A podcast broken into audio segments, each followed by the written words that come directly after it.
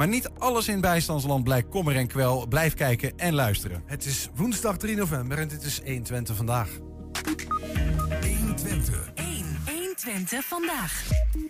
Ja, en we beginnen met een tekort aan pleeggezinnen, ook in Twente. Uh, het is de week van de pleegzorg deze week. Uh, en ook in onze regio is dringend behoefte aan meer plekken voor kwetsbare kinderen... waar die een veilig thuis kunnen vinden. Jeugdhulporganisatie JARB vraagt aandacht voor dat probleem... en aangeschoven is Rolanda Bos, matcher pleegzorg bij die organisatie. Welkom Rolanda, fijn dat je er bent. Ja. Haastig een parkeerplekje gevonden en een beetje ontstrest, hoop ik ja, inmiddels. inmiddels. Goed zo, dat is fijn. Matcher pleegzorg, wat is dat? Uh, matcher betekent eigenlijk, uh, ja, wat het woord al zegt, dat ik uh, kinderen match met pleeggezinnen. Dus jij zoekt de juiste kinderen bij de juiste pleeggezinnen? Of Ja. de, juiste, de juiste pleeggezin bij de juiste kinderen? Of, waar, nou, waar, waar begint het? Bij de, bij de kinderen of bij de pleeggezinnen? het begint bij de kinderen. Ja. ja, ja, ja, dat is een belangrijke inderdaad. Uh, de kinderen die, waar wij uh, een pleeggezin voor zoeken, hebben vaak heel veel in hun rugzak, hebben Ja. veel meegemaakt. Ja, snap ik. En uh, ja, die hebben een bepaalde vraag voor een pleeggezin. En ja, daar zoeken wij een pleeggezin bij. Ja, snap Ja. ik. Dus het koppelaarster, zeg Ja. maar, in de positieve zin van het woord. Hey, en, en de situatie in Twente is zoals in veel plekken in Nederland, eh, vermoedelijk heel Nederland, denk ik. Maar hoe, hoe, hoe ernstig is het hier, zeg maar? Ja, nou, op het moment hebben wij zo'n 30 kinderen waar wij voor zoeken. En um, ja, wij hebben een. een... Eh, Heel even in, in de verhouding, hè? Want hoeveel kinderen zijn er, zijn er in pleeggezinnen geplaatst? En, en even, dan hebben we een beetje een beeld van of 30 nou veel of hoeveel ja, het is. nou, als je het hier in Twente over Twente hebt, dan uh, wij hebben ongeveer uh, 700 kinderen die nu in pleegzorg zitten Ja. binnen Twente.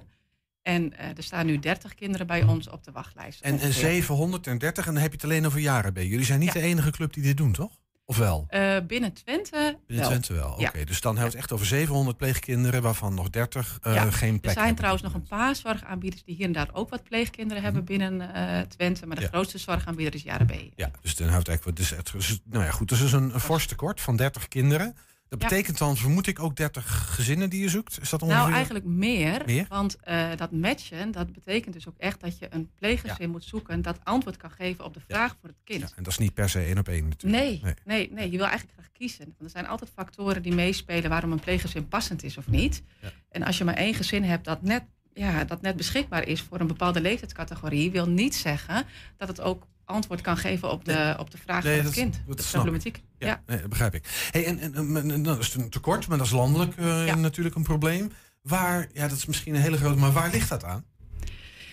Ja, pleegzorg vraagt ook best veel. Mhm. En uh, ja, veel mensen hebben hun leven al heel vol, zijn altijd veel, veel dingen te doen. En je moet echt ruimte hebben in je leven om een pleegkind op te vangen. Ja. Uh, dus ja, daarom uh, zijn er weinig mensen die zich kunnen aanbieden. Want je, je moet er echt voor kunnen gaan en dat Ja. kan lang niet iedereen. Nee, dus het, het, aanbod is te klein. Dat, ik begrijp dat niet iedereen dat kan. Ja. Um, maar kennelijk hebben jullie het gevoel dat het plafond toch nog niet bereikt is. Uh, Ja. Hè? Dus, Ja. dus het, er zijn vast misschien nog gezinnen, denk je dan, die zeggen van nou, als we die wat beter informeren, als ze dan, dan uh, Ja. willen die misschien ook wel. Klopt dat? Ja, ja. En, en de situaties van mensen veranderen soms ook. Hè. Soms komen mensen in rustige vaarwater. Soms dan hebben mensen ja, toch nooit zo pleegzorg in beeld gehad. En dan horen ze het een paar keer en dan blijkt het eigenlijk wel iets voor hun te kunnen zijn. Eh, mensen met een onvervulde kinderwens die toch uiteindelijk uitkomen op... nou, misschien zou pleegzorg dan wat voor ons kunnen zijn... als dat hele traject uiteindelijk gesloten is. Ja. Dus er zijn altijd eh, situaties die veranderen. En, eh, ja. Dus, maar ik hoor dus eigenlijk een soort voortdurende zoektocht Ja. naar gezinnen en pleegouders die zeggen van we willen ons huis wel openstellen voor één of misschien meer pleegkinderen. Ja, dat blijven we, daar blijven we naar zoeken. Ja. ja. Snap ik. Hey, en, en, maar nou, want dat is natuurlijk al een, eh, nou, het is een uitdaging, hè, kan ik me voorstellen. Kinderen die je niet kent met een problematiek in je huis opnemen, daarvoor zorgen. Nou, Ja. dan voel je al aan alles. Dan ga je wel een avontuur aan. Zeker, ja. Ehm, nou is het zo, en daar wil ik toch even met je over hebben, is dat er eh, landelijk dat er heel wat negatieve verhalen over pleegzorg, jeugdzorg, ehm, nou ja, de, de ronde doen. Mhm, mhm, Ehm, in hoeverre spelen die verhalen ook een invloed? Want het is al een avontuur. mhm. Maar als je dan ook nog met dit soort verhalen te maken krijgt, dan, ja, dan, dan krap je wel helemaal drie keer achter Ja. je oren voordat je denkt van eh, ik neem een kind op, toch? Is die invloed groot van die verhalen? Nou, ehm, de pleeggezinnen die ik spreek, die zijn daar eigenlijk overheen gestapt. Hè? Dus mensen die dan in het traject stappen, die zeggen van nou, ondanks de verhalen die wij willen eens horen, dat Willen ik. wij dat toch dan, graag doen? Ja, dat snap ik. Anders komen ze niet bij jou aan tafel. Maar Ja. het gaat natuurlijk over dat voortraject. Hè? Mensen Mhm. die thuis in hun huiskamer met elkaar Ja. aan het overwegen zijn van gaan we Mhm. dit wel of niet doen. Ja. Die heb jij nog Ja. niet gesproken. Precies. En Dus dat daarvan moeilijk zoek je er nog 60 of ja, meer, ja, toch? Ja, zeker. Ik heb het ja. echt over, die, over, Ja. over dat tekort. Ja, ik kan mij goed voorstellen dat die negatieve informatie mensen kan tegenhouden. Ja, ja. En dan hoop ik dat juist ondanks dat ze iets positiefs willen bijdragen. Ja. Hè, want het is voor die kinderen zijn natuurlijk altijd de dupe als er dingen niet goed lopen. Ja, nee, dus dan hebben we des te meer gezinnen nodig Ja. die zeggen van nou wij gaan er toch voor. Ja. Want die plekken blijven nodig. Nee, Ja. dat is helder. En, maar die, de, de, de verhalen die de ronde doen over pleegzorg, ehm, eh, ook weer een wat grote vraag. En toch ben ik heel benieuwd. want Jij zit Mhm. al een hele tijd in dit vak, hè, begrijp ik. Ehm, zijn die, versnijden die verhalen een beetje hout of is dat allemaal gebakken lucht en onzin? Nou, je hebt eigenlijk een onderscheid tussen jeugdzorg en pleegzorg. Hè. Op het moment is heel veel jeugdzorg in het nieuws. Ja. Ehm, pleegzorg is daar weer een onderdeel van. Mhm. En ja, zoals overal waar gehakt wordt, vallen Spaanders. Dus dat is binnen pleegzorg natuurlijk ook zo. Hè. Dat, dat kan ik niet ontkennen, dat er natuurlijk ook fouten worden gemaakt. Ehm, maar eh, meestal eh, kom je er met z'n allen toch uit. En ja, wij zeggen altijd, kijk steeds terug, of, of kom steeds terug bij waar het om gaat. Het gaat om het kind. Laten we met z'n allen als team, als, als, als, ja, als groep rondom een kind Ja. staan. Ja. En ook als ja, mensen soms fouten maken, eh, laten we eruit komen met z'n allen. Ja. En laten we vooral dat kind helpen. Ik snap heel erg jouw positieve inslag. En natuurlijk, weet je, het Mhm. gaat over die kinderen. Maar goed, ik heb afgelopen zomer een paar pleeggezinnen gesproken, hier uit de regio. Eh, die kinderen hebben opgevangen en dramatische verhalen. Over een, en dan heb je het over het systeem. Mhm. Waar die kinderen inderdaad de dupe van zijn. Ja. Dat ziet, vindt iedereen erg. Ik Mhm. vermoed iedereen die daarbij Ja, betrokken is. ja, precies. Ehm, maar ik- ik vroeg me dan wel af, hè, ook in voorbereiding op dat gesprek met jou. Ja. Ehm, het, het voelt dan toch, niet, ik weet niet in hoeverre dat terecht is, alsof er in dat systeem ook structureel gewoon een aantal dingen niet helemaal lekker lopen. Niet zoals je het graag zou willen. Ehm, wordt daaraan gewerkt ook? Het is natuurlijk aan één kant om te zeggen van, nou weet je, alsjeblieft burgers en inwoners, vang kinderen op. Dat Mhm. snap ik, Mhm. logisch appel. Maar als er achter de schuifdeuren iets niet helemaal lekker gaat, moet daar de troep ook Ja, opgeruimd worden. Zeker. Gebeurt zeker. dat ook? Heb jij de indruk? Of, of wordt daar voldoende aan gewerkt? Is dat helder in kaart en worden daar maatregelen getroffen? Of is dat nog wel even een zoektocht? Ja, ik, ik weet niet precies waar je het nu specifiek op doelt. Dus in die zin is dat voor mij een beetje lastig. Nou ja, maar je zit wel lang genoeg in het vak dat de dingen die ik zeg zullen niet helemaal nieuw zijn voor je. Kan ik me voorstellen. Ehm, nee, nou natuurlijk zijn er pleeggezinnen die bijvoorbeeld afhaken omdat de dingen niet goed zijn gelopen. Maar ehm, wat ik merk is dat de situatie altijd weer anders is. Mhm. Dus wat wij proberen is zoveel mogelijk met pleeggezinnen in gesprek te blijven. Dat van hé, hey, waar ben je tegen aangelopen en wat kunnen wij daarvan leren? Mhm. Ja. Zijn er dingen in de begeleiding niet goed gegaan? Vertel ons dat, want dan kunnen we het verbeteren. Ja. En ik, ik durf wel te zeggen dat we daar met z'n allen wel heel erg open voor staan om echt te leren en echt die samenwerking op te zoeken. Ik kan me voorstellen, ik bedoel, zeker. Het zal zeker zo zijn dat iedereen die in dit veld werkt, Mhm. dat doet omdat, het een, omdat je een hart voor kinderen hebt. Ja, Dat is niet ja. omdat je er rijk van wordt of omdat jij beter wat anders doen waarschijnlijk. Ja, ja. Dus dat, dat wil ik onmiddellijk van je aannemen. hey, nou even richting, eh, want daar gaan we niet eindeloos over. En bovendien is het ook best een ingewikkeld probleem volgens mij. Maar ik wilde het toch even aankaarten. Ehm, maar als je nou pleegouder wil worden, Mhm. wat voor, wat voor mensen zoek je? ja, eigenlijk zoeken we mensen die ruimte hebben in hun leven, in hun hart, in hun huis. En dat kan, ja, dat kan iedereen bij wijze van spreken zijn. Eh, het zijn mensen die eh, moeten willen investeren in een kind en daarin ook willen leren, in willen samenwerken. En ja, dan Ja. maakt het eigenlijk niet uit wat voor levenssituatie je hebt. Als je die ruimte maar hebt. Allerlei verschillende gezinssituaties, gezinsvormen zijn welkom. Ook mensen die alleen in de weekenden plek hebben. Daar zijn we ook eh, druk naar op zoek. Want eh, mensen weten vaak niet dat we daar ook eh, gezinnen voor nodig hebben. Dus ja, eh, denk niet te snel van, oh, dat is niks voor mij of dat kan ik niet. Want er zijn heel veel verschillende type gezinnen die wij nodig hebben. Mhm. Heel veel, en heel veel vormen waarin dat Heel kan, hoor ik jou ook. zeggen. Ja, precies. Ehm, en, en nou, want ik, hoe, hoe lang werk jij bij JRB? Hoe lang zit je in dit werkveld? Eh, ik werk sinds 2011 bij de pleegzorg. Hoeft niet op een week nauwkeurig ja, ik hoor. moet even nadenken hoe lang werk ik er ook alweer. Maar zo, ja. zo ongeveer. Ja, ja. Maar eh, eh, en, he- heb je nou in die, want ik vraag me ook af, hè, want die kinderen, je gaf al aan, die kinderen hebben een rugzakje. Mhm. Ehm, zijn die rugzakjes in die tijd nou, zeg maar, ook voller en zwaarder geworden? Of is dat eigenlijk wel een vrij constant beeld? Eh, of z- zit daar, zitten daar verschuivingen in, zeg maar? Ja, eigenlijk wel. In de loop van de jaren heb ik wel gemerkt dat de problematiek zwaarder is geworden. En, En hoe, want, maar dan kan ik me ook voorstellen, als die problematiek zwaarder wordt, dat dat ook wel wat vraagt van eh, de, de pleeggezinnen die Ja. je dan zoekt, toch? Ja, zeker. Wat, wat is Ja. daar en hoe, hoe ehm, en je zegt ja, eigenlijk iedereen. Mhm. Ik denk, oké, dan- kan je iets specifieker zijn dan? Want, want niet iedereen, denk ik dan toch? Ik, ik, nee, nee. je wil wel weten waar die kinderen Met iedereen bedoel ik eigenlijk vooral dat je niet te snel moet denken van nou, onze gezinsvorm komt daar niet voor in aanmerking.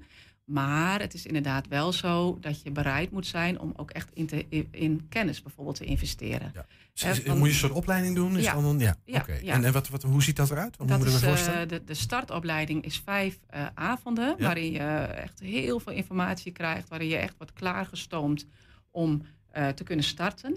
En daarbij vragen we om elk jaar in ieder geval één keer een workshop te eh, volgen om je deskundigheid op peil te houden. En op het moment dat je dan zegt van oké, weet je, we gaan, die, we gaan dat doen, we gaan dat traject in.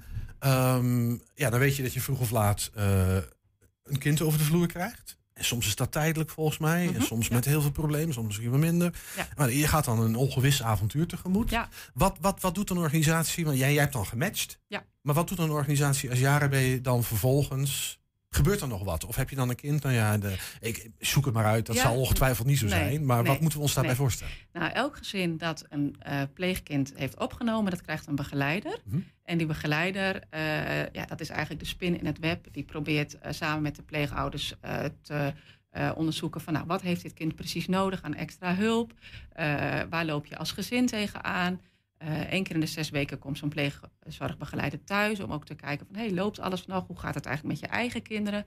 Kunnen die er goed mee Ja. omgaan? Ja, is. Eh, ja, is er, is er nog extra hulp nodig in contact met eh, hulpverleningsinstanties, met de school, met wat dan ook? Ja, elk verhaal is anders en elk gezin krijgt daarom wel een pleegzorgbegeleider toegewezen. Ja, en, en als het gaat om, eh, want het kost ook wat, hè, kinderen in huis. We zijn Hollanders, laten we het we het even over de centen hebben. Mhm. D- er staat een, een behoorlijke vergoeding ook tegenover, toch? Of die, het is niet zo dat je dan ineens. eh, Ja, je krijgt onkostenvergoeding. Ja, Ja, daar moet je het in principe het, van is, kunnen is dat doen. een vast bedrag of hoe werkt dat? Ja, dat is ongeveer zo'n 500, 600 euro per maand. Per Het hangt kind. ook af per kind. Het hangt er vanaf hoe oud het kind is. Hoe ouder het kind is, hoe meer kosten je krijgt. Ja. Dus, en kinderbijslag eh, en zo, is dat dan ook, hoe werkt dat eigenlijk? Geen idee. Krijg je dan kinderbijslag voor zo'n kind Nee, je, krijg- je krijgt een pleegzorgvergoeding. Dus Ja, ja, dat is in plaats van de kinderbijslag, Ja. maar het is wel meer dan, eh, een, de, dan eh, kinderbijslag. Ja. Stel ik ga dat doen, hè, dan eh, krijg ik een soort. Ik, kan me, ik, ik, heb, ik heb een adoptief zusje. Dat is een ander traject, snap ik wel. Maar dat is ook. En dat was uit een ander land, al heel lang geleden. Schat van een zus, nog steeds. Eh is goed, is goed terechtgekomen. Maar ik kan me nog herinneren als jonge tiener dat we een behoorlijke ballotage hadden. Met mensen op bezoek en Ja. gesprekken met mijn Ja. ouders. Zat dat huwelijk wel goed? En eh, Ja. werden, we- werden wij niet eh, mishandeld? Of weet je, weet je dat, dat was dus voortraject. behoorlijk voortraject. Ja, ja, ja. ja, Dat is bij, bij, bij pleeg- want je wil niet dat kinderen in een situatie. Dat is best kwetsbaar. Ja, ja, nee, klopt. Dat is ook een van mijn taken om de pleeggezinnen te screenen. Dus En waar let je dan op? Ja, ik, ik vind het vooral belangrijk dat mensen open kunnen vertellen over wie zij zijn en wat hun sterke, maar ook hun kwetsbaarheden zijn. Mhm. Want op het moment dat je daarnaar kunt kijken, eh, dan kan je ook goed in de samenwerking blijven. Ja. Dus dat vind ik een heel belangrijk punt. Kun je goed samenwerken? Eh, sta je open voor tips en feedback? En, en ehm, ja, heb je ook die ruimte? Of zit je eigenlijk heel erg vol en kan je het er nauwelijks bij doen? Dus er zijn verschillende factoren waar, waar ik, maar ook eh, mijn collega's op letten. Het is niet alleen het ene gesprek, maar ook de training die je volgt, wordt ook goed met je samengewerkt van hoe sta je in het leven en in hoeverre kun jij eh, ehm, ja, die, die, die eh, ruimte bieden aan een Ja. kind. Die Dus zorg. niet op, op zoek naar superhelden, maar naar echte mensen, zal ik maar zeggen. Naar dat is ongeveer. mensen. Ja, samen, Ja. Mag ik dat zo samenvatten? Ja, ja dat, is, dat is heel mooi. En mensen die vooral willen leren, denk ik. Je moet nog zoveel leren hoeft niet samen. perfect te zijn. Nee, Ja. Hey, ehm, ehm, tot slot, als mensen zeggen van joh, ik, eh, ik wil meer weten en eh, zeg eens, waar, waar, waar, moeten ze, waar kunnen ze terecht? Eh, sowieso kun je op pleegzorg.nl eh, kun je kijken. Er zijn ook eh, leuke testjes te doen van ben ik geschikt als pleegouder. En als je je postcode invult, dan word je geleid naar Jarabe. Dat is de organisatie in Ja. Twente. Je kunt ook rechtstreeks naar de website van Jarabe gaan. Je kunt Jarabe rechtstreeks bellen, mailen, Helder. Pleegzorg.nl of jarab.nl, dat was Ja. hem dan hè? Ja. Rolanda Bos was dat, matchmaker zeg ik maar even, koppelaarster tussen kinderen met rugzakjes, kwetsbare kinderen en pleeggezinnen. Dankjewel. Graag gedaan. Zometeen theater in onze grande studio van studenten van de Podium Academie. Zij lopen stage of stage letterlijk. Vanmiddag doen ze dat bij ons. En we zijn ook als podcast eh, te beluisteren via alle bekende platforms. Je vindt daar de hele uitzending, elke dag één item uitgelicht. 120. 120 vandaag. Ja, het leek een helse klus en het werd een helse klus. Maar hij moest en zou worden gemaakt. De allergrootste graffiti-tekening van Rotterdam. In één dag. Enschede Tim Beumers die maakte het stuk afgelopen zaterdag samen met zijn vrienden. Als eerbetoon aan hun crew.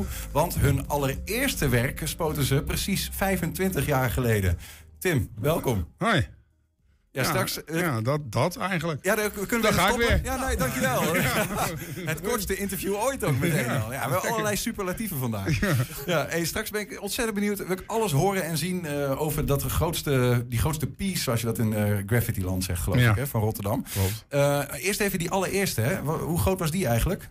Nou, de, eh, kijk, het, in 25 jaar geleden kwamen we als groep, als die groep bij elkaar, zeg maar. Zijn we vanaf toen daarmee begonnen. Maar de allereerste was, was wel, al wel daarvoor. Toen was ik misschien 14 of zo. Ja, dat, ja, drie vierkante meter of zo. Zoiets. Weet je, het begint een beetje met taggen, met stiften en zo. En dan de eerste piece. Dan met kleine histor spuitbusjes. eh, ja, dan ben je twee uur bezig met eh, drie vierkante meter verven. En dan ziet het eruit als een gedrocht. Ja, sowieso. Je, wel. Ja, je, moet ergens, je moet ergens beginnen. Ja. Ja, dat was niet om aan te gluren. Maar ja, eh, oefening bij kunst. Ja. En, en, en toen jullie met de crew eh, begonnen, met de Corky crew... eh, ja, dat, ja dat, dat. Weet je, wij waren echt gewoon een, een, een gezelschap. Wij skateboarden heel veel. En eh, eh, ver voor Jackass had je in skateboardvideo's al altijd eh, random momenten tussen het skateboarden. Weet je, heel veel skateboarders zo zijn van een beetje adrenaline types die gewoon gekke shit doen. Weet je, als ik niet van een trap kan springen met een skateboard, dan kan ik ook gewoon wel bosjes induiken of hoe cares, als het maar gewoon gestoord is. En ja, in die tijd waren we altijd met een bepaalde groep samen. En dat was overdag skateboarden en s'avonds zuipen, ouwe en, en dan s'nachts graffiti. Ja, eigenlijk. ja. Ja, en dat Ja, leefden wij. Wat er natuurlijk aan kleeft altijd aan het graffiti is dat het ook iets illegaals heeft. Hoe legaal was, eh, die, eh, waren die pieces die jullie maakten? Ja, niet. Niet. Nee. Ja, ook wel, soms wel, maar soms ook gewoon niet. Ja. Ja. Ja, weet je wat is? Je wil gewoon dat dingen gezien worden. En, en waar de meeste mensen reizen is met de metro. Dus en langs de metrobaan eh kon je het beste dat doen, want dan zag iedereen het. En ja, dat die, ja, die muren waren niet legaal, nee. Nee, Nee. nee. 1996 schrijven we. Hè? Dat is Ja. een behoorlijk. Ik was zes. Hoe oud was Ja. jij eigenlijk? Eh, 21 was ik toen. 21. Ja. 21. En we hebben wat foto's ook. eh, misschien om een beetje een beeld te krijgen. Hè? Ook geloof ik van jou in die tijd. Ja, Jij bent de rechter. ja, ja, ik wijs naar de kip. Nee, dit- Voor de kijkers recht. Dit is een kip in beeld, zie je dat? dat valt Oh ja, wat doet die kip daar op die foto? Nou, we, we hadden besloten dat het zielig was voor kippen dat ze hun hele leven op de kinderboerderij leefden. Dus we hebben deze kip eh, naar, op de metro naar Rotterdam gezet. Want dan kom je nog eens ergens. ja. Ik zeg niet dat we de meest eh, creatieve en diervriendelijke beslissingen namen. Op, maar op dat moment waren wij er heilig van overtuigd dat een kip ook meer verdiende dan alleen op een dierentuin of op kinderboerderij eh, wonen. En zo, wat dat, aan je sociale karakter is niet veel veranderd dan. Nee, nee. nee. Ja, ja. We gingen nog naar de school of... eh, Eh, zes jaar volgens mij deed ik hier eh, HBO, HBO bouwkunde. ja, ja. Ja. Eh, Kwam je daar ook? Soms. Soms. Dus tussen het skateboarden en poelen door, ja. Ja, ja. Hey, maar hoe zag dat? Want jullie, jullie crew, je was aan het skateboarden, je was s s'nachts in de metrostations Ja. verf op de muren aan het spuiten. Ja. Ja. noem eens het gekke avonturen. Oh, Is dat een hele bak vol? Ja, ja, weet je, het, het klinkt... Die ziet nu een foto van de politieagenten die betaald werden om ons, te, om, om ons op te sporen. Maar die konden niks bewijzen, dus waren ze maar vrienden met ons geworden. Want ja, ja. Maar ehm, ja, we zijn een keer met, met de Stena-lijn meegegaan. eh, op en neer de hele nacht. En toen eh, hebben we Pies op die boot gezet. Want ja, dat kan toch gewoon. Eh. En een van mijn favoriete verhalen er was een, een, een, een man die spaarde tuinkabouters. En ehm, we deden eigenlijk elke week op vrijdag gingen we s'nachts naar zijn huis. En dan pakten we alle tuinkabouters. En die zetten we dan in de straat. Zetten we overal één tuinkabouter voor de deur. En dat hebben we echt wekenlang volgehouden. En toen op een gegeven moment hebben we er eentje, heeft een vriend van mij die meegenomen. En die hebben ze zijn kleding zwart gemaakt en een drietand in zijn hand gegeven. En toen s'nachts hebben we die op een verhoging in de tuin gezet. En alle andere tuinkabouters biddend naar die tuinkabouter toegezet. Want wij vonden dat wel ja, een goed, een goed idee. Een mooi eh, theatraal tafereel in die tuin. Ja, en, en we- weet je wat het ding was? Eh, weet je het ver- verschil met vroeger is? Bij, je leeft vanaf je derde, vierde gewoon op straat. Op een gegeven moment ga je gewoon vervelen. En wij waren zeg maar van de van kwaad tot erger eh, groep. En als iemand wat bedacht en het was ergens enigszins haalbaar, vonden we dat dat gewoon kon. Ja, ja. Dus iemand zei dan van, hey? Hij eh, Oké, hij zei het, dus laten we gewoon kijken of het kan. Een En, politieauto, zilver spuiten. ja, ja. Kunnen we dat zeggen nu trouwens, zonder dat het problemen oplevert? Ja, eh, er niemand die meeluistert daar. Je nee, weet maar het nooit, ach- hè? kijk, achteraf zitten er ook dingen bij dat je natuurlijk heel makkelijk van kan zeggen, ja, waarom zou je dat doen, weet je? En kijk, we hadden wel een soort van normen en waarden. Wij deden nooit eh, eh, publiek eigendom, weet je? Deden, is, was, het was altijd of van overheid of van bedrijven of zo, weet je? Maar het zou, Ja, zou- oké. we hebben nooit op huizen van mensen gedekt of, of zo shit. Dat het was dan de grens, weet je? Ja, Dat- ja, ja. Mensen konden het wel vervelend vinden, maar het moest geen geld kosten aan die mensen, soort van. Maar ja. Hey, ehm, je noemde net al even, zeg maar, de, ja, hoe, hoe, het, hoe jouw leven er toen anders was. hè. Je, Ja. je- nou ja, je had soms wel eens eh, dat je is jouw leven veel een anders? Dat beetje... is maar de vraag natuurlijk. hè? Nou ja, eh, nou ja, misschien is jouw... Is, doe je het nog Nou, ik, ik moet nu eens in de zoveel tijd een verklaring van goed gedrag aan mijn baas geven. Dus dat doe ik niet meer. nee, nee, dat Maar is me die, niet waard. Is die wereld waar je, waar je toen in zat, hè? dus die graffiti-wereld, eh, ik weet- is die nu anders dan toen? Eh, het is nu veel eh, heftiger. Want vroeger had je uh, spuibussen kwam zeg maar eh, ja, een straal uit van pak een beet 4 mm in de tijd dat wij deden. En nu koop je spuibussen, daar zitten eh, ultra wide caps op. Daar kan je in principe, eh komt een straal van pak een beet 30 centimeter breed uit. En dan kan ik, als je zou willen, kan je een treinstel in een kwartier dichtverven. Als je met z'n drieën bent. Dan gewoon helemaal van voor naar achter alles dicht. Dus ja, wat dat betreft... eh, Het is makkelijker waren wij geworden. veel langer bezig dan. Ja, en wij hadden geen mobiele telefoons, dus je kon geen uitkijk. meer- Je hebt nu gewoon gasten die dat doen, dus gewoon militaire operaties. Je hebt gewoon gasten op de uitkijk, telefoontjes open, eh, spotters. Dus Ja. kijk je daar ook met een bepaalde afschuw naar? nee, Nee. nee. Nee, ja, ja maar het, blijft voor Nee, dat, dat, dat ook niet. Maar het blijft gewoon. Ik vind het gewoon intrigerend dat, dat hoe techniek zich ontwikkelt. Het gaat altijd een goede kant op, een slechte kant. Er zijn altijd mensen die Ja, dingen ja. gebruiken naar wat je, me- wat je voor het meeste eruit kan halen of zo. Hey Tim, afgelopen zaterdag, Ja. ehm, Rotterdam. Eh, jullie komen zelf uit Spijkenisse. Ja, klopt. Maar goed, het grootste eh, graffiti-stuk van Rotterdam zou en moest worden gemaakt. Maar ik begreep, dit was niet eens per se jullie eigen idee. Nou, ik kreeg een belletje van, van iemand die we uit die tijd kennen. En die zit bij eh, Stichting Power Rotterdam. En die zei, hey, jullie bestaan 25 jaar dit jaar. Ik zei, oh, oké, attent, attent. Niemand van ons dat, die dat zo eh, had eh, doorgerekend, maar cool. En ehm, die zei van, joh, je kan met tien kunstenaars... kan je bij een Hall of Fame, dus, dus bij een legale muur... kan je een kunstwerk maken. En dan krijgen jullie allemaal 150 euro voor onkosten... en je mag 20 spuipers pakken. Dat was het idee. En het eerste wat ik zei, oké, waar? Nou, Schuttersveld, Rotterdam. En dat, dat zijn drie muren. En een van die muren is een, een gymzaal. Een volledig groot gymzaal met zes basketbalvelden of zo. En die is 10 meter hoog, 50 meter breed. Dus het eerste wat ik in de groep gooide, komen we verven dat hele fucking ding goud. Gewoon echt top de bottom, helemaal alles goud. 500 vierkante meter. 500 vierkante meter. En mijn vrienden zeiden allemaal, je bent niet goed wijs. Ik zei, dat is correct, maar dat neemt niet weg. Dat laten we gewoon het pand goud verven. En ehm, nou ja, een beetje steggelen op en neer. En kijk, vroeger was het bij ons ook...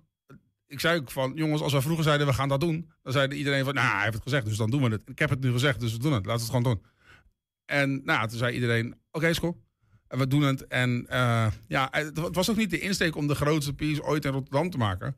We hebben gewoon, het was gewoon een pand. Zo, Nou, we het gewoon helemaal goud, weet je. Gewoon omdat iedereen dacht van... Ik wil gewoon dat mensen later zeggen van... Oh, die daar een zet. Zullen we nog een grote piece zetten hier? En dat iemand zegt... Iemand heeft ooit dit hele ding dichtgeverfd. En dat mensen zeggen, nee, dat kan niet. Dat ben Dat jullie een legende zouden worden. Ja, ja, ja, ja. gewoon, dat- weet je, het gaat ook om de statement. En het is ook, je kan wel aan de onderkant allemaal gewoon de, je allerbeste graffiti-artiesten uitnodigen. En dan doe je de onderkant zo een beetje verven. En dan zegt iedereen van, ah ja, leuk. En nu is het echt zo van, wauw, wat is het met jullie? Het werd eh, de hele muur, niet alleen goud, eh, maar ook letters. Ja, letters met rood, ja. Z- Zullen we eens kijken? Ja hoor, gooi hem er maar Lang in. genoeg gewacht. Komt-ie. Gooi hem er maar in, ja. Ja, dat is hem. Dit is toch onvoorstelbaar? En het regende de hele dag. We hebben, we hebben vanaf half negen 's ochtends tot half acht 's avonds hebben we in de stromende regen gestaan. Vertel even, wat, wat, zien we, Tim? Eh, je, ziet eh, daar een, eh, een gymzaal van pak een beetje 10 meter hoog en eh 50 meter breed. En als je bovenin staat, er staat Corky geschreven en dat is onder staat Crew. Dat was de crewnaam, KC96. Ja, ja, Ja. ja. Eh, ja, we hebben wat, wat foto's van het proces. Misschien ook leuk om even, wat je zei al, het regende de hele dag. Het was uiteindelijk werd een helse klus. het, wa- het was bijna spiritueel, zei ik achteraf. Want Oh ja? het was gewoon... eh, je begint, het gaat goed. Rond één uur is het hele pand met goud dichtgeverfd. We hebben met tape zeg maar, die perspectieflijnen opgezet... zodat je een beetje de weg kan vinden. En elke keer als je de regen instapt, dacht je van... oké, ik ga ervoor, weet je. En dan kwam je net op dat ding te staan en dan kwam er weer... Tegenwoordig heb je in Nederland van die stortbuien, toch? En dan in één keer stond je daarboven en dan kwam er echt zo'n sikke hoosbui over je heen. Op een gegeven moment mijn boxershort was gewoon... Alles was gewoon doorweekt, weet je. Ja, je kon... En, En die verf blijft dan wel zitten, ja, we hadden geluk. De wind kwam van de achterkant, dus de muur bleef droog. Wij niet, muur wel. Nou, dus dat was ook het ding. Je moest wel. En eh, ja, het was gewoon, gewoon doorpakken, doorpakken, door. En op een gegeven moment, ik moest een half uurtje weg. En we hadden de eerste letter zo ongeveer staan. En ik kwam na een half uur terug. Ik denk, nou, nu staat letter 2 er wel. Toen was net letter 1 af. En toen Oh, besefte ja. ik me ook van, oh, dit is nog zes uur werk. Want En hoeveel ik- tijd had je? Tot het donker was in principe. We- Het moest die dag. Die hoogwerkers waren voor die dag. Ja. Eh, We hadden begeleiding voor die dag. We hadden, eh, weet je, je mag ook niet zelf op die hoogwerker. Je hebt iemand nodig die dat bedient. En wij dachten van je kan met z'n vier op die hoogwerker. Mm. Maar dat was maar tot vijf meter hoog. Boven deze hoogte mocht je maar met z'n drie op die hoogwerker. Ja. Dus in één keer ging alles twee keer zo lang duren. En ja, maar je maakt het gewoon af. Weet je? En, en ik denk dat dat ook een beetje het ding is wat we vroeger uit skateboarden meenamen. Dat het maakt niet uit. Als je het bedenkt, dan doe je het, dan doe je het gewoon. Wij Ja, waren gewoon ja. zo van, oké, maakt niet uit hoe gek, elke keer iets idioter. En, en dat was ook altijd het ding. Wat je kan bedenken, kan je doen. Er zit een soort van diepere laag achter van, ook als het zwaar is, ook als je wilt doordouwen. En wij je eigen grenzen zo. verleggen. En, Het is eh, niks anders kan dan- altijd gekker. Ja, weet je, als je meer wil worden dan, dan wie je bent, moet je verder gaan dan wat je hebt gedaan. Zo simpel is het. We zien hier die groep met wie je te werk bent gegaan. Even, hoeveel mensen ze- bestaat het eh, op dit moment? Ja, uit? Ja, ik denk dat er nu, eh, eh, we zijn nog met een man of 10, 11, Zijn het ook mensen die kunnen die het ook allemaal nog eigenlijk? Want wat, wat doen ze eigenlijk? Want jij, ja, je bent ook, je, je werkt bijvoorbeeld eh, eh, voor ons, maar ook voor de overheid. Ik werk ook voor de overheid. Ja, Ja. Er, zit, er zit van alles bij. Er zitten mensen bij op eh, hoog directieniveau. Er zitten mensen bij die hard in de bouw werken. Er zit er eentje bij die er niet meer is, die is dood. Er zit er eentje bij die je niet meer ziet, die wij ook niet meer zien. Die, die non-stop in en uit de gevangenis gaat. Het is alle kanten opgevlogen. Ja. Maar de meesten zijn goed terechtgekomen. Ja, maar je, je, Het is een wonder. en- en- want even- het- we hadden het er zo over even, eh, wat was het nou ja, gisteren geloof ik. Ja. En toen zei je, nou, er was ook één vrouw in jullie team en die kwam daar aan en die kwam eigenlijk meteen uit de werk en helemaal niet eh, echt Nee. eh, het graffiti-like aangekleed. Nee, nee, helemaal niet. En die zei, eh, en, weet je wat is? Eentje is aan het revalideren van, van corona. Die moest ondertussen naar huis. Eentje moest naar zijn gezin. En we stonden in de regen. En zij kwam aan. Oh, dat ik nog niet. Nee. Geef me een verfpak. Die had gewoon eh, nette kleren. Hup, bam. Zegt, het is koud. Geef me die fles rum. Blub, blub, blub. Drie shots rum. Hup, de hoogwerker op. En gaan. Ze Laat ging je meteen weer die urban style ging meteen gewoon weer aan. Gewoon switch Ja, gaan. ja. Hey Tim, ehm, het was ook een, een extra bijzonder ehm, piece, omdat een van jullie ja, crewleden ehm dit mogelijk ook zijn laatste was.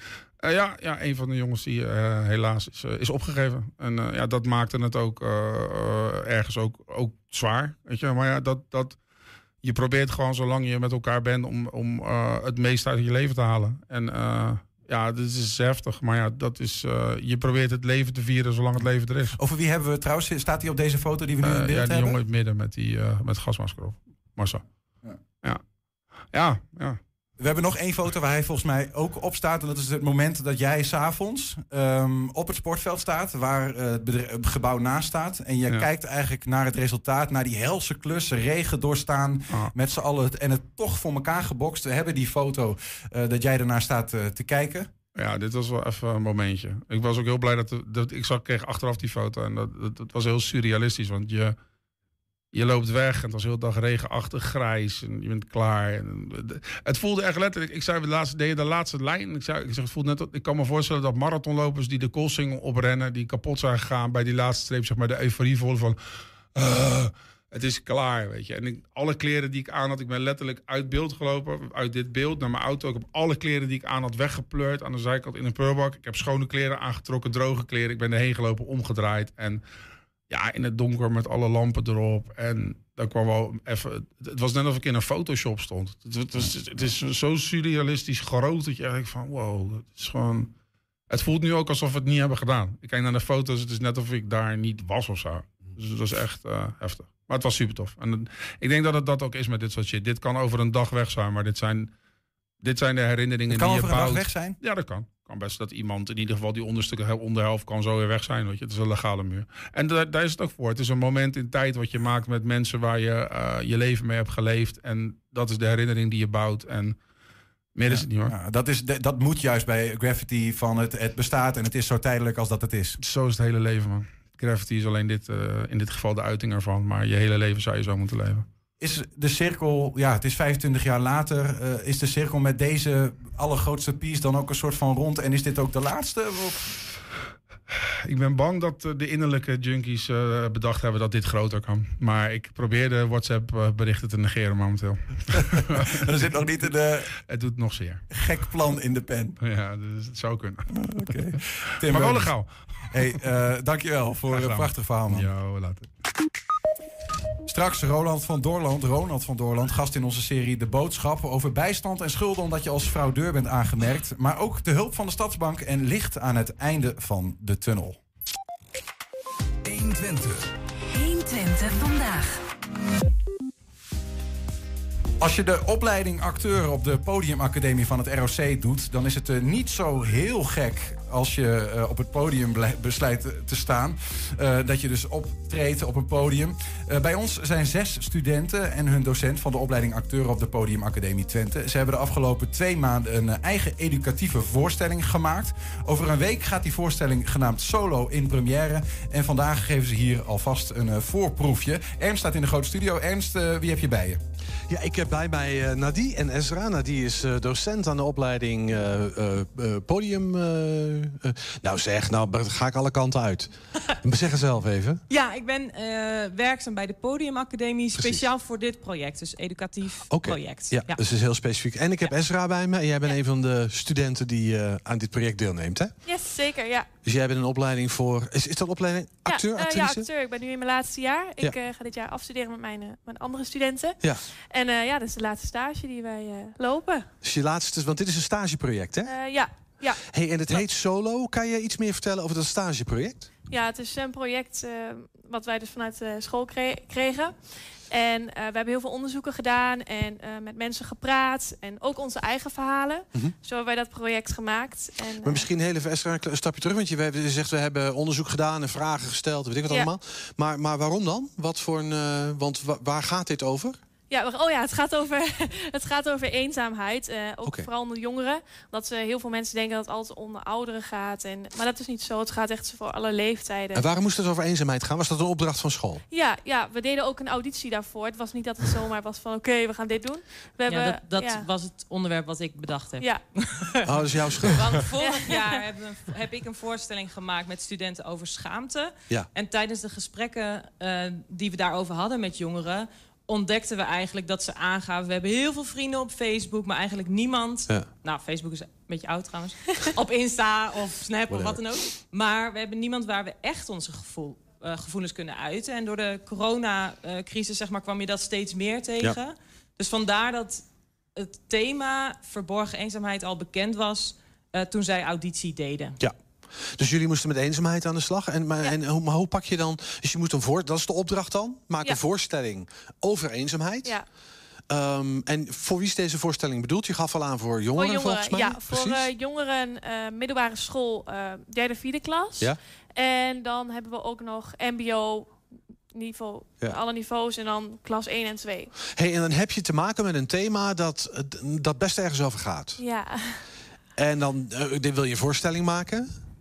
Ja. Maar dat is niet even, huppakee, leuke uh, dansmariekes en we maken er iets gezelligs van. Nee. Maar hoe pak je dan, hoe zorg je er dan voor dat je in zo'n voorstelling ehm, ehm, de kern van de zaak pakt? En dat je echt, nou ja, misschien wel ergens het hart van mensen raakt. Want dat is dan wat je wil, kennelijk. Ja, we begonnen, we hebben zes weken zijn we bezig geweest met heel veel onderzoeken, maar ook onze eigen verhalen hoe? om te delen. Oh, je eigen verhalen. Ja, ook eigen verhalen. En uiteindelijk zijn we in gesprek gegaan met mensen die eenzaam waren. Waar je het ook niet van verwacht. Mhm. Die hebben ook hun verhalen Hoe verteld. vind je die mensen? Die zeggen, Ik weet dat ze uit ervaring dat ze heel lastig te vinden zijn. Want als je Ja. zegt wie is er eenzaam, steekt er niemand zijn Ja, hand op, toch? eh, Ja, ik heb eigenlijk een filmpje gemaakt zelf. Ik dacht, ja, hoe, hoe kom ik er inderdaad achter? dus ik heb een filmpje gemaakt en op social media gezet. En eh, daaruit kreeg ik inderdaad reacties van mensen waarvan, ja, ook die ik goed ken. Ja. Maar waarvan ik dacht, Jij? geldt dit voor jou? Dit is dus echt het voorbeeld van verborgen eenzaamheid. Hoe, hoe, hoe definieer je eenzaamheid dan? Wat, wat, wat is dat? Wanneer ben je Ehm, eenzaam? Ja, Ja, dat wij- zijn ja. veel verschillende vormen. Maar... Ja, wat wij een beetje achterkwamen is, je kan alleen zijn, maar je kan ook eenzaam zijn. Alleen is als je nou, misschien lekker alleen thuis zit. Ja. Maar eenzaam is denk ik meer dat als je echt niemand om je heen kan hebben. Mhm. Dat, ja, dat je op dat moment niemand bij je kan hebben die je even belt. En Of- Ja, de, de kortste samenvatting eigenlijk is dat er drie soorten eenzaamheid zijn. Namelijk sociale eenzaamheid, dus dat je echt geen mensen Ja. om je heen hebt. Ja. Emotionele eenzaamheid, dus je hebt misschien wel collega's... maar je kan daar niet met je gevoel terecht. Mhm. En chronische eenzaamheid, waarbij je dus al ja, van kinds af aan... misschien in een probleemsituatie bent opgegroeid... waardoor je ja, geen binding hebt met mensen. Dus dat zijn de soorten, maar de verhalen die wij hebben gehoord... zijn echt totaal Zoveel. verschillend. Ja, Dat zal wel. Maar en dan moet je een voorstelling maken. En dat is dan hebben. Dus je hebt informatie eh, gehaald. Ja. Ook uit jezelf. ehm, of uit, uit, uit jullie. Uit de Ja. gesprekken die jullie met elkaar gevoerd hebben. ja. Dat is vrij kwetsbaar. ja, klopt. Het was ook wel... eh, ja, was het ook wel. Ja. ja. Het was best heftig. Hè? En ook Ja. na, na zo'n gesprek, ja, toch ben je snel twee uur in gesprek met iemand. Ja. Was iedereen wel echt eh, Ja. even ja, vol of leeg Ja. tegelijk. Ja. Ja. En daaruit probeer je dan toch een paar verhalen te pakken... waarvan wij denken dat veel jongeren er zich in kunnen herkennen. Ja. Of vrienden erin herkennen. Ja. En dat is volgens mij best wel goed. Ja, gelukt. en vanuit die verhalen hebben wij dus bepaalde scènes moeten maken. Dus iedereen kreeg, kreeg een opdracht. Oké, jij maakt bij dat verhaal, jij bij dat verhaal. En uiteindelijk pasten die scènes allemaal zo goed in elkaar... waardoor het ja, heel goed is geworden Een beetje eigenlijk. mozaïekachtig eh Ja, voorstelling. was zo bijzonder, ja. Hey, en nou zijn jullie zo, met, met- zometeen met zes acteurs, hè? Ja. En ik begrijp dat eh, een soort dubbelrollen. Ja, Dus je hebt drie rollen.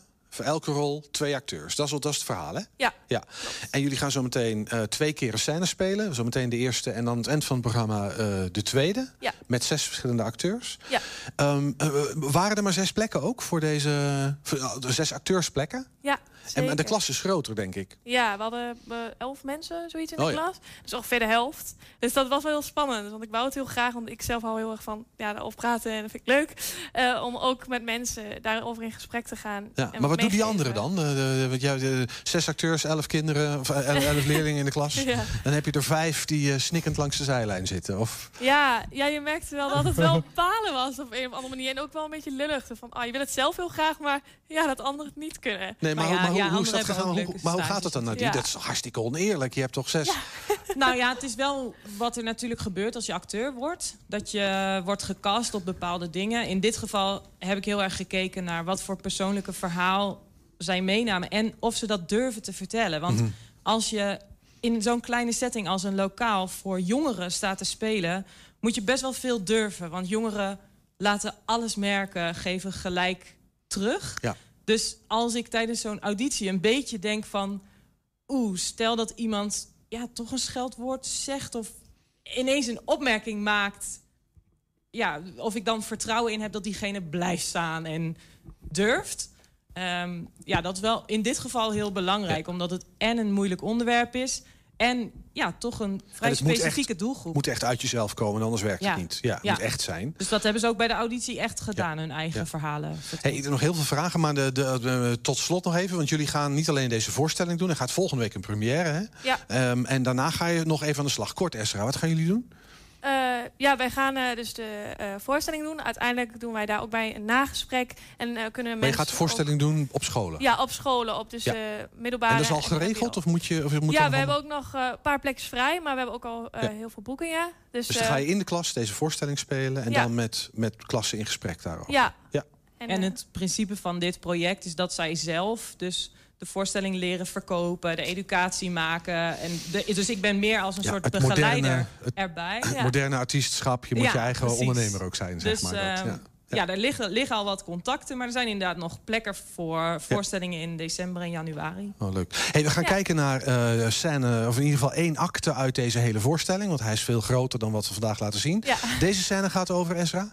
Eh, deze scène gaat over hoe de drie ehm, personages elkaar ontmoeten. En een beetje in een soort van discussie komen. Oké, scène en 2 eh, gaat één over... personage is een eh, die wil psycholoog worden, zo iemand die de hele tijd wil helpen. Ja. Oh, ja. Dat is wat we heel erg terugkregen van de jongeren. Ja. Daar word je en- helemaal moe van, van die Ja. mensen die constant Ja, precies. Dus dat zie je 2 nu. zometeen, waar we straks naar gaan kijken, die gaat over... Die gaat over, hun, eh, over persoonlijke ideeën over eenzaamheid. En is geschreven door een van de andere speelsters, Esra. Eh, Sarah, Ja. sorry. Ehm, en zij gaat hem ook spelen. Right. Dus. Hey guys, go for it. Ik ben heel benieuwd. We gaan kijken naar eh, wat jullie gaan doen. Eh, Niels, we gaan zo meteen kijken. Acteurs moeten zich nog even klaarmaken, volgens mij.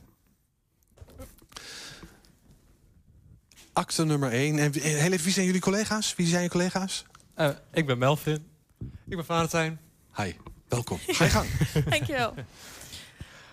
Nou, uh, laten we gewoon doorgaan met de presentatie. Maar dan ja, wel op een geordende manier. Uh, waar was ik? Ja, TikTok, daar waren we natuurlijk bezig. Bij TikTok willen we natuurlijk veel laten zien van onszelf. Maar dan laten we zien dat je eigenlijk ook wel heel veel dingen samen moet Jongens, het gaat En dat laat natuurlijk ook weer zien. Jongens!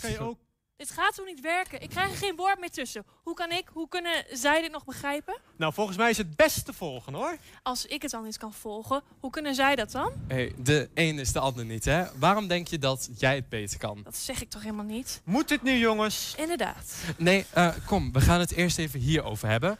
Um, wat zit je dwars? Heb je een zware jeugd gehad, met de verkeerde been uit bed gestapt? Het zit me dwars dat jij zo zit te pushen naar mijn verhaal. Ik wil je alleen maar helpen, hè? Ik heb jouw hulp niet nodig. Oh, weet je toch, je kan alles bij me kwijt. Dit is mijn baan. Je bijbaantje, ja? En waarom zeg je dat? Uh, was je altijd minder dan de rest? Kraak je anderen daarom af? Nee, nee. Hey, hier kan ik niks mee, hè? Help mij jou te helpen. Nou, uh, ja? Ik heb altijd al moeite gehad met open zijn. En hoe komt dat? Nou ja, het kan komen door vroeger dat nooit iemand heeft gevraagd hoe ik me echt voel. Oh. En omdat ik zoveel reis, heb ik niet echt contacten. En um, hoe ben je in dat patroon beland? Nou ja, reizen is niet alleen leuk. Het is ook een ontsnapping van de realiteit. En hoe zit het met je ouders dan? Mijn ouders zijn gescheiden. En die praten ook niet graag over gevoelens. En heb je wel eens geprobeerd het op te schrijven in een boekje? Sorry, wat? Ja, um, schrijf al je gevoelens op. En ze gaan zo, poef, magisch weg. Nee, dat heb ik nog nooit geprobeerd, nee. Oh, kijk, dames en heren, dat was weer een succesvolle psychosessie. Dit is dus het perfecte voorbeeld waarom je contact moet maken met mij. Dus um, stuur me snel een berichtje en dan zie ik je snel. Doei! Hé, hey, Vee, wat is er? Het is toch opgelost? Ja, ja, het is goed. Nou, zo lijkt het anders niet. Uh, weet je wat? We proberen wat anders. Even kijken. Wat zie je hierin? Weet ik veel. Een vlek? Ja, maar wat zie je nog meer? Een vlinder. Aha, daar heb je het. Dat betekent dat alles vliegensvlug voor je gaat. Dat de wonderen van de wereld te moeilijk zijn om te beschouwen. Net als een vlinder die te snel voorbij vliegt. Wat zeg je dat mooi, Daan? Ja, uh, word die vlinder, voel die vlinder, voel die vleugels.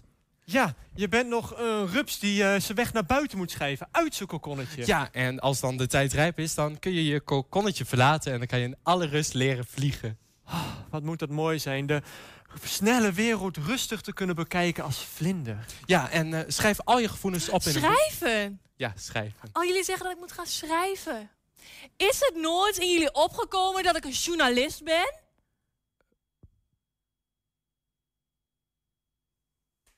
Was uh, de eerste, de, de, de, eerste stukje van, uh, van de Van Worsteling solo. gespeeld, maar ook gemaakt en straks zelfs verkocht. Door studenten van de Podiumacademie in het RC hier in, in Almelo. Um, zometeen terug naar de Rode Studio voor een tweede korte acte uit die voorstelling. Um, maar we gaan eerst wat anders doen.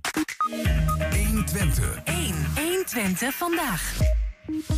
Ja, de ellende begon in 2014. Hij werd beschuldigd van fraude, zou geld verdienen terwijl hij een bijstandsuitkering kreeg. Moest als straf drie jaar aan uitgekeerd geld terugbetalen en kreeg een boete, bij elkaar een slordige 60.000 euro. En zijn uitkering werd stopgezet. Later oordeelde de rechter dat de fraudeverdenking onterecht was, maar het kwaad was al geschied. De Enschede zat diep in de schulden. Een bewindvoerder bepaalde daarna jarenlang wat hij wel en niet mocht kopen. Tot nu, want hij is eindelijk schuldenvrij. Dames en heren, mag ik een hartverwarmend applaus. Ronald van Doorland. Dankjewel. Ah. Ja, eindelijk vrij. Ja man, hoe gaat ie? Goed. Ja? Ja. Ik, uh, nou ja, je, je, je bent niet meer afhankelijk van anderen. En uh, ja, je krijgt weer je vrijheid terug. Je kunt weer zelf het een en ander beslissen. Uh, ga, gaan het er uitgebreid over hebben. Ja, ja, ja ik dat Ronald, als je je vrijheid terug hebt, moet je niet met zo'n streepjes pakken hier binnenkomen. Eigenlijk niet, hè? ja, maar hij landen even te laat. ik, ik, zat te denken aan tv, want daar helpt streepjes ook niet altijd mee, maar ik snap hem. Uh, hey, maar hoe lang is het nou precies klaar? Uh, officieel begin deze maand. Maar ja, met vakanties is dat een, omdat je het een en ander af moet handelen en tekenen. En is dat officieel uh, uh, voor afgelopen dinsdag geweest. Mm -hmm. Ehm, nou ja, goed, nou worden alle bedrijven aangeschreven dat de post niet meer naar de bewindvoerder moet, maar naar mij toe moet. Mhm. En eh, nou ja, dan moeten we nog straks weer het een en ander ondertekenen, onder andere de bank. Want ja, dat, dat liep dus allemaal via de bewindvoerder. Ja. En dat gaat dus allemaal weer op mijn naam. Alles werd door een externe bepaald. Als je, als je iets wilde kopen, wat dan ook. Dus eh, nu, want daar- zometeen wil ik daar echt nog met je verder uitgebreid over praten. Maar jij zegt dus, het, het, het beginselgevoel voor jou is nu vrijheid. Ja, absoluut. Ja. Ja. Eind 2019, toen eh, maakte wij een reportage over jou. En over jouw eh, leven op dat moment nog in de schuldsanering. Ja. Eh, we waren toen onder meer bij het lichtatelier. Daar doe jij, deed jij, slash doe jij vrijwilligerswerk. Ja. Ehm, Ik zat daar toen de tijd eh, in het bestuur. Is dat- Dus ik was secretaris van, de, van het lichtatelier, van de stichting. Daar worden zeg maar allerlei vol lampen vanuit de textielfabrieken worden daar omgebouwd en die kun je dan later weer kopen. Nou ja, Ehm, en wij spraken daarover eigenlijk, nou ja, dat leven in schulden, dat moment van 2014, dat het allemaal eh, misging en hoe dat voelde. Maar ook een beetje, nou ja, hoe je uitkeek naar eigenlijk dit moment dat alles weer beter zou zijn. Ik ben Ronald. Ik woon in Enschede. Ik ben 56 jaar, alleenstaand en heb geen kinderen. Ik ontvang bijstand. En ik kom rond van 60 euro per week.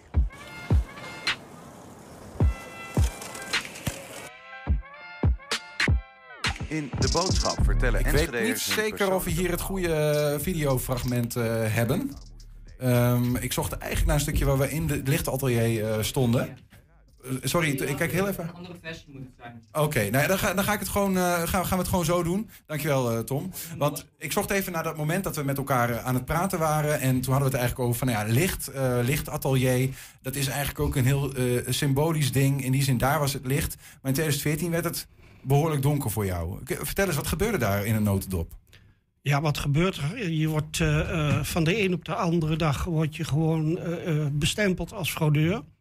Eh à la minuut werd de uitkering stilgezet.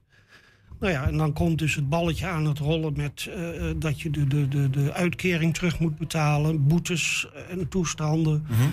En eh, nou ja, vanaf dat moment was het niks anders dan bezwaren en, en rechtszaken bij bestuursrechters. de rechter in Almelo, het is een centrale raad voor beroep geweest. Ja. En eh, nou ja, op een gegeven moment is dat allemaal rechtgezet.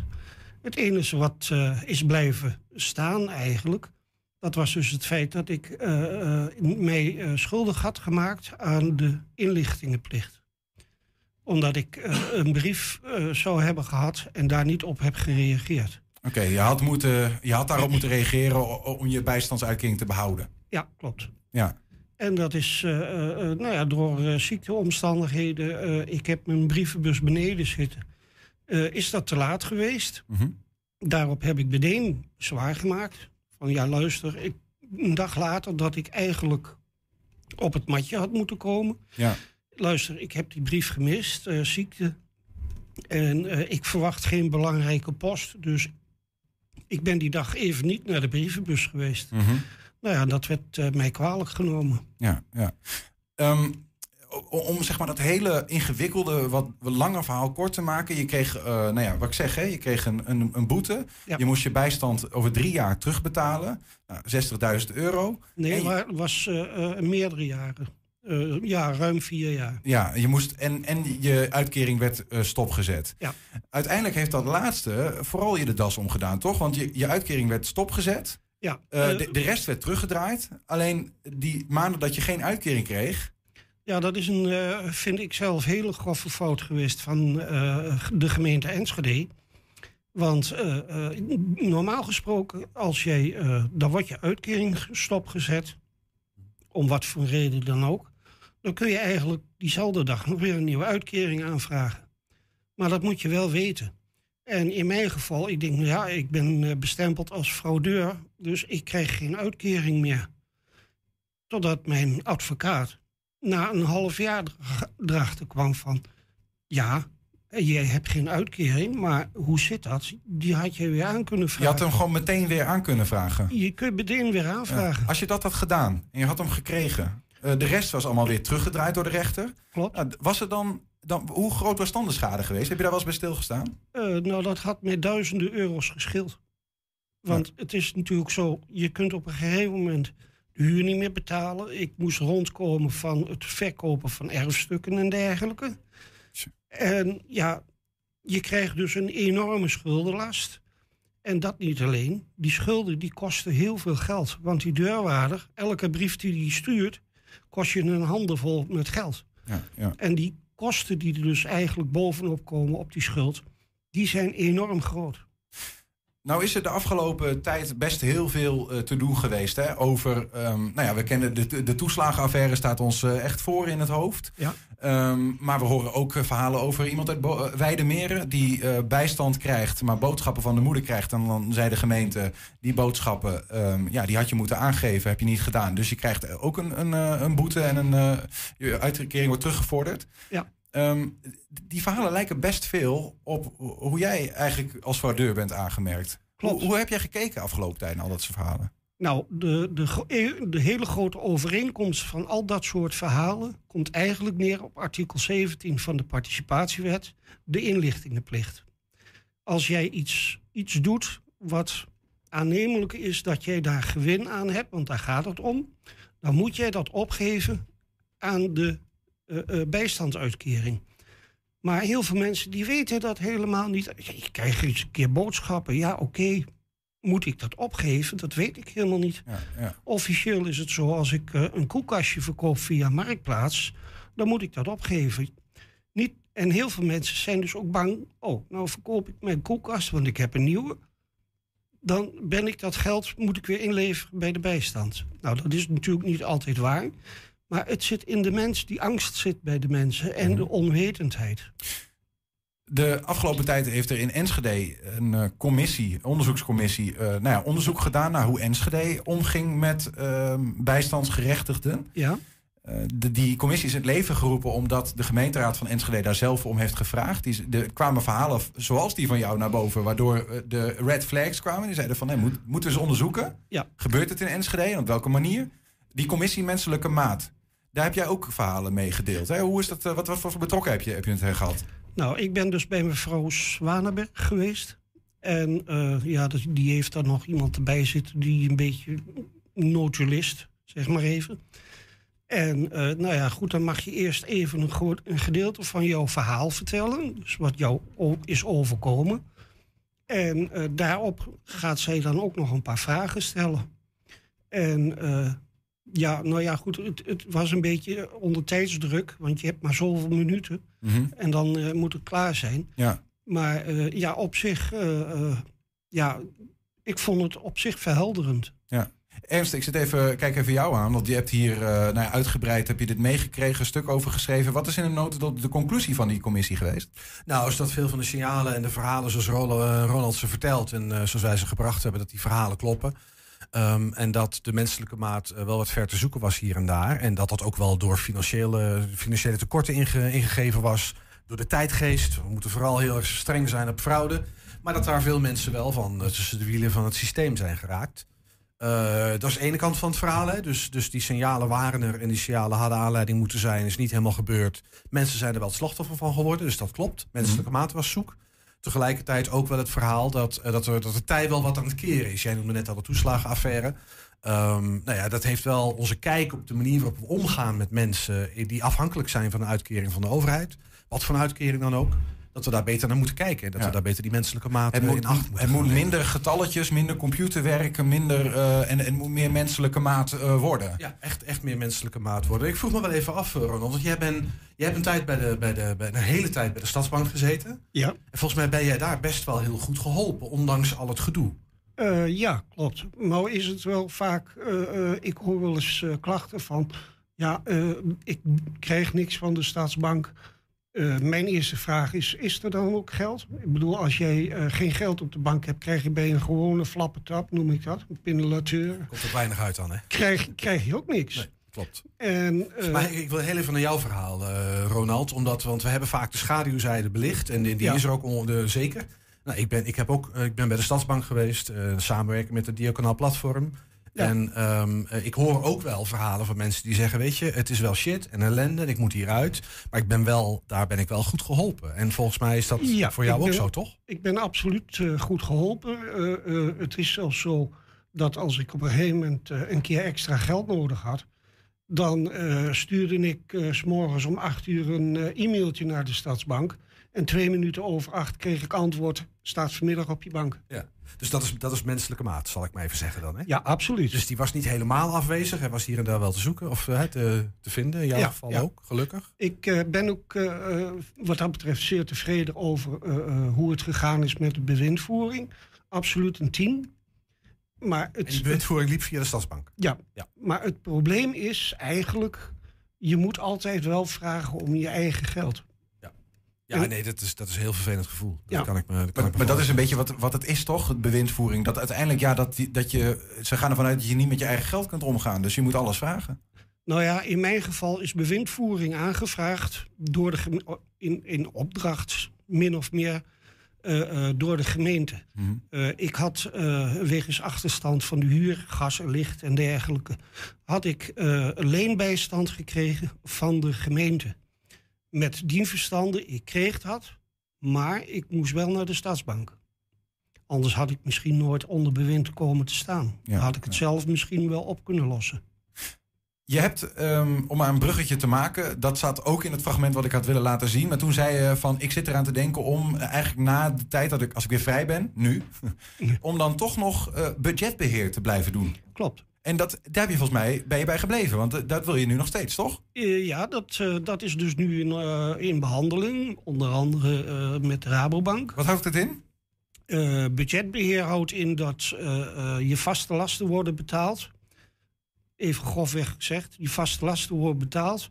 En de rest moet je zelf uitzoeken. Ja. Is dat nodig dan? Want in principe kun jij toch gewoon goed met je geld omgaan? Nou ja, ik heb het ja, eigenlijk in de achterhoofd meer gedaan. Eventjes puur om weer te wennen. Het, eh, ik ben vanaf 2017, zeg maar even, eh, afhankelijk geweest van eh, budgetbeheer en, en bewind. En nou ja, als je dus bewind hebt en je wilt dat stoppen, dan moet dat altijd via de rechter. En als ik zeg na drie maanden, nou, het zelf wel, dan ga ik naar de stadsbank en dan zeg ik, nou, ik eh, stop, stop met eh, budgetbeheer. Ja, ja precies. Je bent vrijer. Maar voor nu, eh, de, de, de druk is zeg maar net van de ketel. Maar om te zorgen dat je niet in één keer ontploft, eh, denk je van misschien is het handig. Ja, dat Ja. je niet te veel feest gaat vieren. Ja, precies. En even oh, toch een beetje tot slot, Ronald, dat feestje voor ogen schouwen. Heb je trouwens, heb je, de- heb je het al een beetje je vrijheid gevierd met dat geld? Mm, nee, niet echt. Nee, nee. Nee, en als je nou iets zou moeten bedenken voor jezelf van ja, dit wil ik eigenlijk al heel graag doen en dat kan gewoon nu beter dan, eh, dan eerder. Eh, ja, goh, ik ben eh, al jaren bijvoorbeeld niet meer op vakantie geweest. Nog niet echt een dag weg. Dus dat zou wel eens een keer leuk zijn dat ik zeg, nou ik ga eens een keer. Maar dat ligt ook nog weer aan die corona-rommel natuurlijk. Zo krijg je dat weer, ja. Uit de schulden zit je in de coronamaatregelen. Ja, nou ja, goed. Maar zoiets, ja, dat zou, dat zou wel leuk zijn. Nou, ik eh, gun het je echt vanuit de grond van mijn hart. Ja, dankjewel. Mag ik, mag ik, ik ben toch, eh, mag ik je nog één vraag Ja, stellen, eh, Ronald? Ja, tuurlijk. Eh, en, en dat is, want dat is- valt een beetje uit de lucht nu, maar ik moest er net ook aan denken. En ik vind het toch wel belangrijk. Eh, want ik weet dat jij betrokken bent bij zeg maar, lotgenotengroepen en zo, Facebook en noem het op. Ja? Heb jij nou de indruk dat, eh, dat de tij, als het gaat om het strenge beleid in Enschede, dat er, wel aan- dat er toch wat aan, het- dat het wat aan het keren is? Wat, wat is jouw beeld daarbij? Eh, ja, maar het kan, het kan nog beter, het kan nog sneller. Kan vooral sneller en beter. Ja. Maar er gebeurt wel wat. Eh, heel langzaamaan wordt het versoepeld. We hebben, ik, heb het hier al eens een keer eerder eh, aangekondigd eh, met die maatregelverordening. Maar eh, ja, het, het, het, het menselijke zit er nog niet echt in. Ook dat vergt ja, verandering die eh, ingewikkeld is. Ja, dat Eh, vergt waarschijnlijk. Systemen die moeten veranderen, mensen die moeten een andere instelling krijgen. Nou ja, een, eh, een ambtelijk apparaat verander je niet in één dag. Nee, nee, nee. Ehm, voor, voor jou is de verandering in ieder geval dat je, dat je schuldenvrij bent. En nou ja, dat je voorlopig nog even in budgetbeheer gaat. Maar wie weet wanneer dat weer helemaal losgaat. En dat je helemaal zelf al je geld mag beschikken. Ja, wie weet. Ja, dankjewel Ronald en eh, heel veel plezier daarmee. Graag gedaan. 120. 1. 120 vandaag.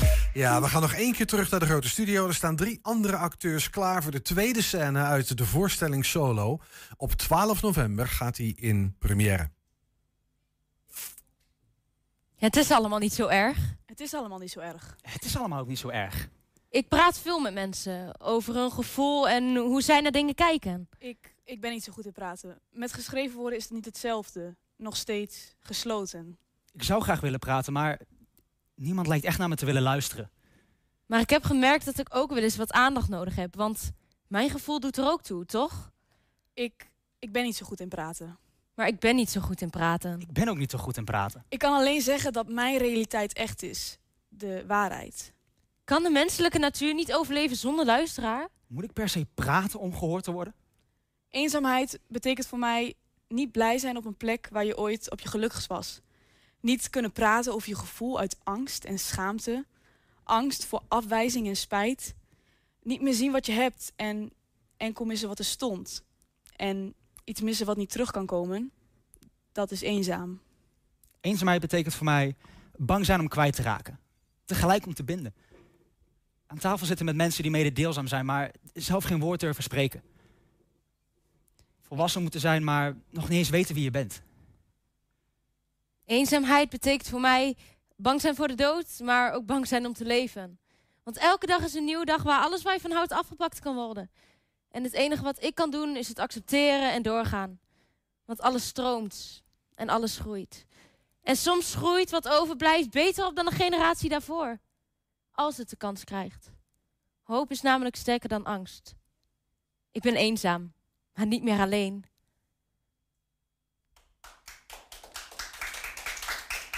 Jawel, dat was eh, het tweede optreden van Solo bij ons in de studio. 12 november, dan gaat hij dus in première. Hou ze in de gaten. Tot zover 120 vandaag voor vandaag. Terugkijken kan meteen via 120.nl. Je vindt ons vanavond en 10 uur en om 8 uur op televisie. Zometeen hier hoor je Henk Ketting met een gloednieuwe kettingreactie. Ook daarbij veel plezier en wij zeggen tot morgen. 120. Weet wat er speelt in Twente. Met nu het nieuws van 3 uur. Goedemiddag, ik ben René Postma.